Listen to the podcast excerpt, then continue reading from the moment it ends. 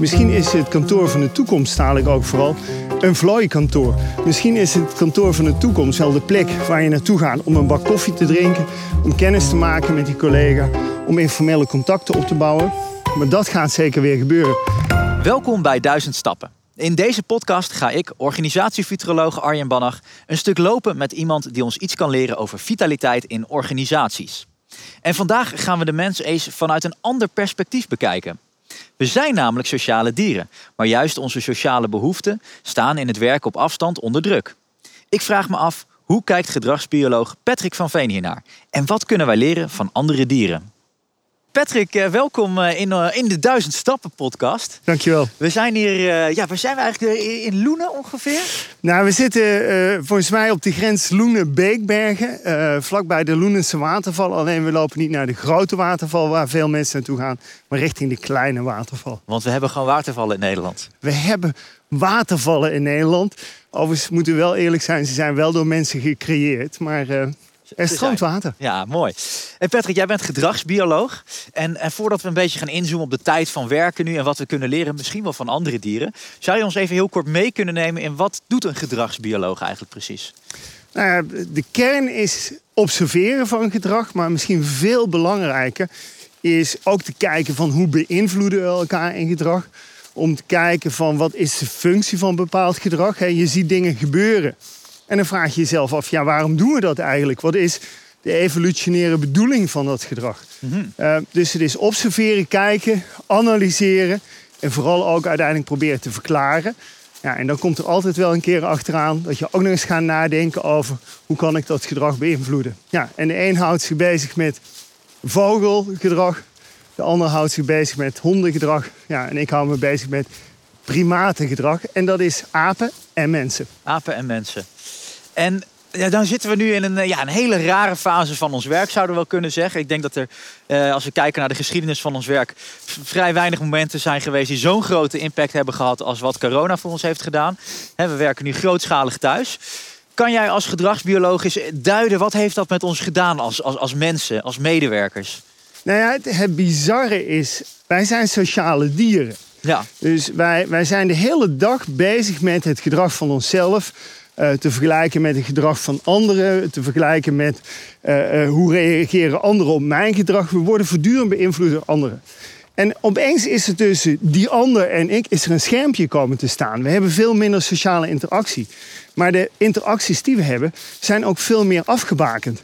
Kijk, als ik in een kantoor werk en ik ga naar de wc, ja, dit geldt er voor mannen, niet voor vrouwen. Ja. En ik sta aan zo'n plasbak, ja, dan heb ik opeens contact met mensen naast me, eh, die ik normaal misschien helemaal niet spreek. dat zijn de spontane ontmoetingen. Of die grote invloed hebben, ja of nee. Uh-huh. Maar dat is wel anders dan in de huidige situatie. Dus het bizarre is dat de manier van contacten, relaties en de hoeveelheid, dat is wel veranderd. Ja, dus je zou kunnen stellen dat al die informele contacten die we hadden toen we nog fysiek samenkwamen, die deden er echt toe.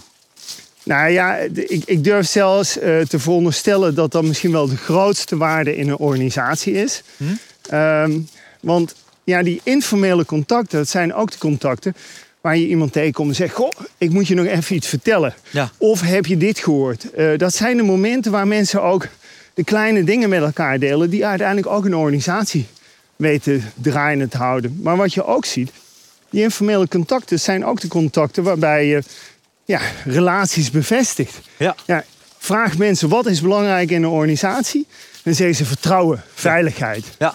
Ja, vertrouwen, veiligheid, daar kan ik je garanderen. Daar kun je hele uitgebreide programma's op inzetten. Maar uiteindelijk ontstaat vertrouwen en veiligheid in een organisatie alleen maar door die sociale interactie die wij twee hebben. Ja. En dat is in hele belangrijke mate, dat is ja, die, die, dat, dat informele contact. Ja. Dat staat nu dus onder druk. Als we, als we dan weer even terug gaan naar die primaten, hè, die, die, dat vertrouwen, die veiligheid, hoe doen die dat? Nou ja, heel simpel. Door te vlooien. Door te uh, vlooien? ja, dat is één van de vormen. Ja. Kijk, als je in een apengroep leeft, um, dan, dan is vertrouwen in de ander hebben heel groot. En er zijn heel veel rituelen die een ontzettend belangrijke functie hebben om nou ja, vertrouwen op te wekken. Ik was in het voorjaar, of in het voorjaar was het winter hier in uh, Liberia, in een chimpansee-opvangcentrum, uh, om na te denken over rituelen. Ehm, en daar zitten allemaal peuters en pubers. Eh, dat zijn chimpansees die in beslag zijn genomen. Eigenlijk een heel triest verhaal. Maar het grappige is, als die chimpansees een vreemd iemand tegenkomen... zoals ik bijvoorbeeld, het allereerste wat ze doen... is vol hun vingers en ja, eigenlijk een hele hand in je mond stoppen. En dan denk je, gatsie, doe dat even niet. Maar dat doen ze ook onderling. En waarom doen ze dat? Nou ja, als de ander heel hard bijt, ja, dan kun je hem niet vertrouwen. Maar bijt hij even heel zacht, kun je hem vertrouwen. En Ah. een van die rituelen die wij mensen nog steeds hebben, is elkaar een hand geven. Ja, hoe raar is het in deze coronatijd? Ja, Ja. ik weet niet hoe jij het ervaart. Eh, maar toen wij elkaar net tegenkwamen, om een beetje, hoi Patrick. En, en ja, eigenlijk, normaal geven we elkaar een hand, begroeten we elkaar normaal. En dat zijn hele basale rituelen die ervoor zorgen ja, dat je vertrouwen hebt. Dat Ja. je ook snapt van, hé, hey, eh, wie is die ander? En daar begin je mee. Ja. En dan zijn er nog veel meer rituelen die we gebruiken. Een bak koffie met elkaar v- drinken. Stomme vragen aan elkaar stellen. Eh, je komt ergens aan, ik weet niet of jij dat herkent, maar je bent ergens gearriveerd. Dan vraagt de ander aan je, heb je het kunnen vinden? Ja. wat denk je zelf? Ik sta voor je neus. maar het is Ja. wel de opening voor een gesprek. Ja. En dat zorgt uiteindelijk voor de relatie. Ja, precies. Ja, en juist die verbinding, hè, dus wat jij ook zegt, de handdruk, dat kan niet meer. Laat staan een hand in iemands anders mond stoppen. Ja. Dat gaat ook niet meer nu we op afstand zijn. Dus we kunnen zeggen, die, dat, dat, dat sociale dier in ons wordt misschien wel minder gevoed in dat werk op afstand. Kunnen we daar dan ook weer iets leren van de apenwereld, hoe we dat dan nu toch, ondanks dat we op afstand zijn, die verbinding kunnen realiseren? Nou, wat je, wat je ziet, eigenlijk moet je gewoon eens kijken hoe loopt gewoon normaal een dag in een organisatie. En, en daar zitten heel veel elementen in die, die bijdragen aan die persoonlijke relatie. Even bij de koffieautomaat hangen. Ja, Eh, een vergadering om tien uur start nooit om tien uur, maar die start in Nederland altijd vijf over tien. Hè, want we moeten nog even een verhaaltje doen. En dan komt iemand te laat en we moeten nog een bak koffie doen. ja, Maar dat zijn wel de elementen waarin de gesprekken plaatsvinden ehm, die niet op de agenda staan. Ja. Dat zijn wel de momenten waarbij je die informele contact hebt. Ja, en dan moet je gaan organiseren. ja, En dat is natuurlijk lastig. Alles wat voorheen spontaan gebeurde, dat bijna in onze genen zit, ja, dat moet je nu opeens gaan regelen. Dat moet je gaan organiseren. ja. Dus eigenlijk eh, waar eh, die verbinding, hè, de veiligheid, het vertrouwen eerst misschien nog spontaan ontstond op het moment dat je fysiek samenkomt. Moet dat nu juist eigenlijk, omdat het niet meer spontaan gebeurt, toch gaan regelen? Moet je Ja. met elkaar over gaan hebben Ja. en het echt in gaan regelen? Ja. Nou, laat ik jou één perspectief geven. En er worden een heleboel mensen misschien nu heel nerveus. Ja. Wij gaan dadelijk weer met elkaar in een kantoor zitten. En eh, wat we waarschijnlijk niet gaan doen, is dat vijf dagen in een week. Nee? Maar die momenten, die spontane momenten, zijn uiteindelijk zo cruciaal Ja? Dat wij elkaar wel weer gaan opzoeken, met name daarvoor. En ik zeg eens, misschien is het kantoor van de toekomst dadelijk ook vooral een vlooikantoor. Misschien is het kantoor van de toekomst wel de plek waar je naartoe gaat om een bak koffie te drinken, om kennis te maken met die collega, om informele contacten op te bouwen. Maar dat gaat zeker weer gebeuren. En zolang dat niet kan, ja, Ja. moet je het gewoon plannen. Ja. En hoe, hoe doen apen dat als ze onder druk worden gezet? Dat, dat, dat hun veilige omgeving, ik kan me voorstellen, de, de apenrots is een begrip. Ja. Dat, dat, daar, voor mij zit ook een hiërarchie in, maar dat komt ook wel eens onder druk te staan. Ja. Hoe lossen apen dat dan op als, als, die, als dat onder druk komt te staan? Nou, weet je, apen hebben één voordeel. Die leven in kleine, overzichtelijke groepen. Hè, 50, 60, 100 individuen. Ja. En als er iets is wat spanning oplevert, stress oplevert, dan gaan ze het onmiddellijk organiseren. Eh, feedback is bij apen nooit een discussie. Nee. Eh, als jij iets doet wat mij niet bevalt, krijg je een draai om de Ja, oren en het ja. is opgelost. En het voordeel is bij apen is dat die response loop, eigenlijk die terugkoppeling, heel erg snel is. Die is direct, ja. Die is heel direct. En dat zorgt er ook voor dat als er stress in een groep is, conflicten rondom leiderschap, dan wordt het relatief snel opgelost. Wij mensen, wij schuiven heel veel dingen heel ver vooruit. Ja. Eh, waarbij je dus merkt, ja, weet je, in een organisatie, eh, normaal gesproken om vijf uur zeggen, nou weet je, ik heb een scheidhekel aan die collega, maar Ja. dat lossen we morgen wel op. Ja. Eh, nu zeggen we, nou, ik zet het scherm uit en ik zie morgen wel hoe we er verder mee gaan. Ja, en morgen is die druk alweer een stukje ervan af, maar het probleem blijft natuurlijk terugkomen. Dus het voordeel bij apen is, omdat ze in kleine groepen leven, 24 uur per dag, moeten ze dingen eigenlijk voortdurend oplossen en onder controle brengen. Ja. Nou doen we dat natuurlijk als mensen in organisaties niet. En dat, dat is maar goed ook Ja. dat je daar niet mee samen hoeft te leven, denk ik soms. Wauw, een, eh, een hele mooie rups. Ja. Ja. Welke is dit? Weet je dat? Geen flauw. Ja, ik ben een apenbioloog. Ik zie hier toevallig nog wel overal de sporen van de wilde zwijnen. Oh ja. Eh, dat herken ik wel nog. Maar ja, zo op rupsen. Ik ben dan blij dat ik een rups herken. Precies, nou, dat is ook waar. Eh, we hadden het over die, als het onder druk komt te staan. Apen leven natuurlijk samen, bij mensen is dat niet zo. Ehm, maar je zegt het is wel belangrijk, want dat doen apen, om gelijk feedback te geven. En dat Ja. is iets wat wij mensen moeilijk vinden. Wordt dat nu ook belangrijker nu we werken op afstand? Dat als je net zegt, die collega, het zint je even niet, gelijk het gesprek aangaan? Nou, weet je, eigenlijk is de wereld nog veel complexer geworden. Want eh, eh, voorheen zat je misschien acht uur met collega's in één ruimte. En nu zit je met collega's in een virtuele ruimte. Achter je lopen de kinderen te gillen. Je partner die loopt aan je trekken, want die wil nog even boodschappen gaan doen. Ja. Dus die, ja, eigenlijk die separatie van die verschillende sociale groepen, die is helemaal weggevallen. En dat betekent dat we een aantal dingen opnieuw moeten gaan uitvinden. En een van de dingen die we met elkaar opnieuw moeten gaan uitvinden, is ook wel die relatie Ja. ten opzichte van die collega's. Ja, en problemen doorschuiven in de toekomst of problemen op een ander moment oplossen. Ja, dat, daar, daar kun je echt wel heel kritisch van stellen. Van ja, misschien is dat niet de oplossing en moeten we dingen veel directer gaan oppakken met elkaar. Ja. Maar daar is dan ook weer die veiligheid voor nodig. Eh, dat, je dat, eh, dat, je- dat je zoveel vertrouwen voelt. Dat je elkaar ook die feedback durft te geven. Dat je dat ontvangt. Ja. Ehm, en ik kan me juist voorstellen dat die veiligheid ook weer onder druk is komen te staan. Doordat we op afstand zijn. Wat zou jij zeggen is een goed advies om te zorgen dat je die veiligheid in een team creëert. Zodat we ons ook open, eerlijk, kwetsbaar durven uit te spreken. Nou, la- laat ik het iets complexer maken. Als wij groepen analyseren, of nu apengroepen of mensengroepen eh, zijn, hè, we vragen uiteindelijk wat maakt nu een verzameling individuen? Ja. Wat maakt dat uiteindelijk een team? Of wat maakt dan nu een stabiele groep? En het grappige is dat je ziet altijd drie elementen terugkomen. Je kunt een heleboel dingen definiëren op het niveau van een structuur. Ja. En een structuur is leiderschap. Wie is de baas? Wat zijn de procedures? Wie neemt beslissingen? Ehm, dat zijn eigenlijk de dingen die je keihard kunt vastleggen. Structuur is op dit moment de virtuele afbakening die we hebben. Ja. Welk, welk type eh, eh, software gebruiken we? Eh, het schermpje. Het tweede element wat we altijd zien, dat zijn de, de regels. De ongeschreven gedragsregels. Ja. Die zijn overal belangrijk. Hebben wij een afspraak om 10 uur? Is dat 10 uur is of, of is dat 10 over 10? Of is dat 1 uur het middags? Ja. Wat is de ruimte van te laat komen? Wat is de ruimte voor een deadline te overschrijden? En het laatste element, dat zijn rituelen. En rituelen, dat, dat zijn die dingen van handen geven, bak koffie doen. Nou, wat wij altijd zeggen, dat zijn drie silo's. En die silo's die staan met elkaar in verbinding. En op het moment dat je in één silo iets verandert, dan zul je dat in een andere silo moeten compenseren. En dat gebeurt op dit moment. Je ziet dat, dat die rituelen vallen weg, eh, de fysieke omgeving verandert. En je moet met elkaar gaan uitvinden van hoe ga ik dan ja, wegvallen van een stukje structuur, Ja. veranderen van structuur, wegvallen van rituelen. Hoe ga ik dat compenseren? Ja. En eigenlijk de, de silo die het belangrijkste is, dat is de silo van nou ja, de regels, de normen en waarden. Ja. En wat heeft dat met vertrouwen te maken? Ga ik toch weer even terug naar apen. Mhm.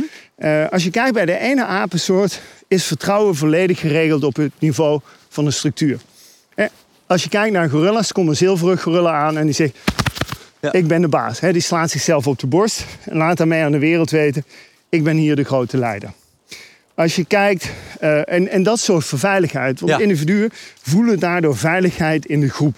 Het wordt allemaal voor me geregeld. Ja. De grote baas zorgt daarvoor. Oude familiebedrijven zou je eronder kunnen benoemen. Ja. Ja. Het tweede wat je hebt, dat zijn apengroepen, bijvoorbeeld chimpansees. Die regelen alles op het niveau van die normen en waarden en de spelregels. Over alles wordt gediscussieerd, maar er zijn toch wel hele duidelijke regels. Hè, grappige regel op dit moment, wij moeten op twee armlengtes Ja. van elkaar rondlopen. Hè, anderhalve meter regel, snappen we overigens niet anderhalve meter. Twee armlengtes snappen we wel in Ja. ons brein. Maar dat zie je ook bij apen. Bij chimpansees is de sociale afstand twee armlengtes. Hm. Bij gorilla's is er vier armlengtes. En dat zijn van die regels, daar moet je aan houden. En wat je ziet bij chimpansees is dat vertrouwen en veiligheid ontstaat... doordat iedereen zich aan die regels conformeert. Dat iedereen zich daar ook aan gedraagt. En spring je uit de band, ja, dan krijg je even klap om de oren. Ja. En dan is het weer geregeld. Ja. Er zijn ook apensoorten waar alles om de rituelen draait. Hm. En, en, en rituelen, bijvoorbeeld bonobo's, Ja. eh, nou, die zijn nogal redelijk bekend om de seks. Ja. Gooi je twee groepen bonobo's bij elkaar en je hebt één grote orgie. Ja. En, en daarmee zorgen ze dat ze elkaar leren kennen, dat er vertrouwen ontstaat, dat ze snappen wie ben jij, wie ben ik. Ja. En door die seksualiteit krijg je uiteindelijk dat ja, er vertrouwen binnen de groep ontstaat. Nou, Ja. De grote vraag is, vertrouwen kun je dus organiseren op verschillende niveaus in zo'n organisatie. Ja. Eh, maar je moet er wel aan werken. Ja. En je moet ook snappen waar je mee bezig bent. Nou, dat is het element waarvan ik zeg, ja, als je ziet dat structuur verandert, rituelen vallen weg.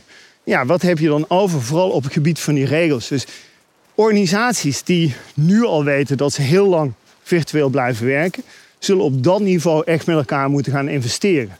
En wat je dan vooral niet moet doen, dat is een grote fout van heel veel organisaties. En zeggen, ja, weet je, dan moeten we onze core values gaan benoemen. Ja. En wat mensen doen die core values benoemen, die doen eigenlijk niks anders dan ze zeggen... die spelregels die wij belangrijk vinden, die gaan we op papier drukken, die hangen we op de muur. Ja. En dan kan iedereen ze nalezen. Maar wat je feitelijk dan doet, is datgene wat belangrijk is, spontaan tussen ons beiden, dat we dat eigenlijk gewoon weer in de structuur gaan plakken. Want oké. feitelijk zegt de baas dan, dit vind ik belangrijk, dit zijn onze core values en daar moet je wel even houden, anders krijg je een draai om de oren. Oké. Lang antwoord op een heel simpele vraag. Hoe Ja, krijg je ja, vertrouwen? Mooi uitgebreid antwoord, want het bestaat dus uit verschillende elementen. Ehm, wat we nog even, wat ik denk dan altijd, van die rituelen zijn belangrijk. Ook juist nu we Ja. op afstand zijn. Want dat zorgt toch dat we eh, incidentele dingen toch een beetje misschien in ons systeem kunnen krijgen. Dat het een gebruik wordt. Zou het dan wel zo kunnen zijn dat die eh, kernwaarden, hè, die je net noemt, van moet je mee oppassen. Maar zouden die ook niet als een mooi kompas kunnen dienen om juist tot rituelen te komen? Van als wij dit blijkbaar belangrijk vinden in ons werk, hoe gaan we dat nou ook echt op afstand met elkaar uitvoeren? Ja, maar wat je wel moet realiseren uiteindelijk, is dat je ook wel die waarden, die kernwaarden die wij belangrijk vinden, dat ook wel een soort van, ja, ik noem het dan toch maar spontane kernwaarden blijven, die Ja. wij uiteindelijk met elkaar willen accepteren en ook met elkaar willen respecteren. En wat je vooral moet voorkomen, is dat je het uiteindelijk hard in steen gaat bijtelen Ja. en voortdurend daarna gaat terugverwijzen. Terwijl uiteindelijk moet het ook iets zijn tussen mensen. Ja. Want vertrouwen ontstaat niet omdat de baas een tegeltje op de muur hangt en zegt van nou, nu gaan we verplicht koffie drinken. Nee, vertrouwen ontstaat omdat de mensen dat onderling doen. Ja, Ja. dat is waar. Hey, en, en wat je ook in het begin even liet vallen, ik denk dat het ook wel interessant is. Want het zou zomaar kunnen dat eh, de luisteraars van deze podcast dit ook wel een beetje op netvlies hebben en weten het is belangrijk. Hè? Sociale Ja. dieren, we willen die verbinding. Eh, dan is beïnvloeding ook belangrijk. Hoe kan ik nou, als ik het belangrijk vind om te zorgen dat we die verbinding realiseren op afstand in ons team, hoe kan ik nou mijn collega's daarin meenemen? Welk advies zou, jou ge- zou jij geven als bioloog vanuit die beïnvloedingstechnieken? Wat zou je nu goed kunnen doen om daar eens een start mee te maken? Nou, het grappige is, je, je, je noemt het al, hè, beïnvloedingstechnieken. En vanuit biologie zeggen we, je hebt eigenlijk helemaal niet zoveel gereedschappen om te beïnvloeden. En je kunt beïnvloeden door als baas te zeggen, zo gaan we het doen. Ja. En daarvan zei ik al net, dat moet je eigenlijk niet willen. Eh, maar wat je ook kunt doen, en dat is misschien wel de allerbelangrijkste tool, is uiteindelijk voorbeeldgedrag. Als jij vindt dat dat belangrijk is, neem dan ook een voortouw daarin. Als jij vindt dat het belangrijk is om weer te investeren in rituelen, ehm, ja, dan moet je misschien ook wel eens met elkaar gaan nadenken. Hoe gaan we dat uiteindelijk ook doen? Maar ook vooral zelf dat gedrag vertonen. Ja, En want dat is wat ik vaak zie gebeuren. Dan gaan we bij elkaar zitten in een werkgroep. En dan zeggen we, nou, dit, dit is wel heel belangrijk. Uh-huh. Dus eh, dat gaan we ook wel inrichten. Maar wat we dan vergeten is dat we uiteindelijk zelf het goede gedrag gaan vertonen. En dat betekent bijvoorbeeld, als je het initiatief kunt nemen bij bijvoorbeeld het plannen van afspraken. Eh, misschien moet je af en toe eens wat minder strak die afspraken op elkaar volgend plannen. Eh, ik hoor zo vaak mensen zeggen, ja, ik moet nu alweer naar een andere call. ja. Ja, dat heb je niet goed gepland. Nee, En, altijd wel eh, ruimte eh, ertussen ja. zou je zeggen. Kom, nou, ik geef regelmatig webinars op dit moment. En dan zeggen mensen, ja, ja, maar ja, ik moet nu meer, maar, maar weer naar een call. Ja, dat klopt gewoon niet. Nee. En daar moet je tijd tussen laten. Mooie quote daarbij, wat ik, wat ik wel eens heb gehoord, is eh, niet, niets werkt eigenlijk top-down behalve het, eh, het goede voorbeeld. Ja, Dus dat moeten we misschien omarmen. En het uitgangspunt daarbij, hè, om te zorgen dat je dat goede voorbeeld bent, of je nou gewoon een teamlid bent, of misschien wel leidinggevende, of in een HR-team zit, eh, moet misschien zijn dat je je niet alleen maar focust op het werk wat moet gebeuren, maar juist ook kijkt hoe kan ik nou gedurende zo'n werkdag op afstand dat menselijke, dat informele, wat meer terug laten komen. Ja. En een heel mooie concrete tip daarbij. Dus al zorg dat die meetings niet eh, back-to-back, zoals dat dan heet, gepland worden. Maar dat er ruimte ontstaat, zodat je ertussen ook nog dat menselijke gedrag kan. eh, Ja, en, en gaan mensen ook wel bijvoorbeeld bewust maken van die camera. Hè, eh, d- d- dat, dat is, eh, nou ja, mijn vak is deels observeren. Ja. En, en ik kijk altijd, hoe zitten mensen erbij? Hoe hangen ze erbij? En wat mij gewoon opvalt, is dat mensen zitten te multitasken. eh, wat eigenlijk in een normaal overleg gewoon niet toegestaan is. Nee. Het wordt niet geaccepteerd dat je ondertussen ook nog je mail zit te doen. Het wordt niet geaccepteerd dat je nog een telefoontje tussendoor doet. En ik zie letterlijk gebeuren dat mensen ja, slim genoeg zijn om hun microfoon te muten, maar niet een beeld even uit te zetten. Ja. Dan zitten ze gewoon te bellen onder een vergadering. ja. En, en ja, dat zijn gewoon dingen, doe dat niet. Maar spreek elkaar daar vooral ook om aan, omdat die vergadering is niet alleen maar even inhoudelijk kletsen. Die vergadering is ook met elkaar bezig zijn. En zorg dat je dus ook weer die concentratie terugbrengt. Van joh, we zijn hier even als team bij elkaar, Ja. maar laten we daar ook even in investeren. Oh, ja, want als je dat dus niet doet, dan eh, ga je dus ook weer eigenlijk een beetje aan de slag met de veilige, vertrouwende cultuur die er eigenlijk zou moeten zijn. En zorg dat Ja. die misschien wel on- ja, onbewust minder wordt. Ja, Ja. het gaat er ook vooral om. Zorg ervoor dat je de aandacht voor elkaar hebt. Zorg ervoor dat je ook met elkaar een gesprek aangaat. Ja. Maar wat ook belangrijk is, is gewoon om aan het einde van een overleg te zeggen: "Nou, is- is dit eigenlijk wel zinvol? Of is het zinvol zoals we dat nu doen? Ja, En vooral dat gesprek met elkaar gaan voeren, dat is uiteindelijk wel belangrijk. prachtig. Mooi om, eh, mooi om te horen. En ik denk dat het ook weer een mooie realisatie is. Dat je best met elkaar eventjes, op het moment dat je in zo'n vergadering zit, dat iedereen ook wel gewoon 100% aanwezig is met zijn aandacht. Dat je elkaar ook mag, op mag aanspreken. Niet zo Ja. alleen voor de inhoud van de vergadering, maar ook wel eens welke omgangsvormen, welke cultuur creëren we daar met elkaar. Dat is een mooie, Ja. mooie realisatie. Tot slot, Patrick. Nog één inzichtje vanuit jouw eh primatenonderzoek eh, voor die thuis. Ik zou nog één leuk advies misschien met ons kunnen delen waarvan je zegt van nou, als we dit toch kunnen leren van de apenwereld, dan, eh, dan, dan doen we daar wel ons voordeel mee. Ja. Nou, ik, ik zal een experiment met je delen. We hebben ooit chimpansees getest of ze snappen hoe samenwerken werkt. En dat hebben we gedaan met een heel oud experiment. Twee chimps moeten samenwerken om toegang te krijgen tot voedsel. Ja. En dat heet de Keulerplank. Eh, kun je netjes eh, opzoeken op internet, Keulerplank. En dan kom je allerlei experimenten met chimpansees, maar ook andere diersoorten tegen. Twee apen trekken aan een touw om toegang te krijgen tot voedsel. En sommige dieren snappen dat, sommige dieren snappen dat niet. Maar chimpansees snappen dat altijd. Nou, wij dachten, hoe kunnen we dat experiment manipuleren? En toen zijn we uiteindelijk op de uiteinde van die plank, het is een plank op wielen, en die komt naar de chimpansees toe rollen Ja. als ze tegelijkertijd aan een touwtje trekken. En dan zijn we één chimpansee zijn we continu één druiven blijven geven en de andere chimpansee zijn we drie, vier druiven gaan geven. En ja, die chimpansees bleven gewoon aan het touwtje trekken, dat was geen probleem. Totdat de linker chimpansee vier druiven kreeg en de rechter chimpansee maar één druif. En toen zei degene met één druif, die stopte met het trekken aan het Ja. touwtje en die zei blijkbaar van, joh, stik er maar in, maar ik doe niet meer mee. Ja. Ik dacht, hoe kunnen we het experiment nog een keer manipuleren? En toen hebben we de linker chimpansee uitgewisseld met een andere chimpansee. En opeens bleek de rechter chimpansee, die nog steeds dezelfde was, een verschil van acht druiven te accepteren. En het grappige was, het verschil tussen die twee chimpansees aan de linker en de rechterkant was heel simpel. De eerste chimpansee waar ze vier druiven verschil accepteerden, ja, dat was gewoon een willekeurige collega. Ja. Dat is iemand die 's ochtends zegt morgen en de rest van de dag communiceer je niet meer. Nee. Maar de chimpansee die aan de, de tweede keer voorbij kwam, waarvan ze acht druiven verschil accepteerden, ja, dat was hun vriendin. Dat was een hele intense relatie mee. Ja. En dat demonstreert hoe belangrijk relaties zijn om te kunnen samenwerken, om dingen samen te kunnen bereiken. En, en ja, chimpansees eh, ja, die vlooien elkaar, eh, die slapen bij elkaar soms in een nest. Maar het investeren in de relatie is misschien wel het allerbelangrijkste om gewoon tot een effectieve en goede samenwerking te komen. Ik vind het een prachtig einde. Neem die mee. Ga daar vooral mee aan de slag eh, binnen je team met je collega's. Patrick, mag ik je hartelijk danken voor je inspiratie. Graag gedaan. Dat waren de duizend stappen met Patrick van Veen. En hopelijk heb je nu een iets beter beeld gekregen over wat wij kunnen leren van dieren in de omgang met onze collega's. Heb je met ons meegelopen? Complimenten. Zo niet, loop dan ook volgende keer weer met ons mee. En wil je nou meer inspiratie? Ga dan naar www.zilverenkruis.nl/zakelijk.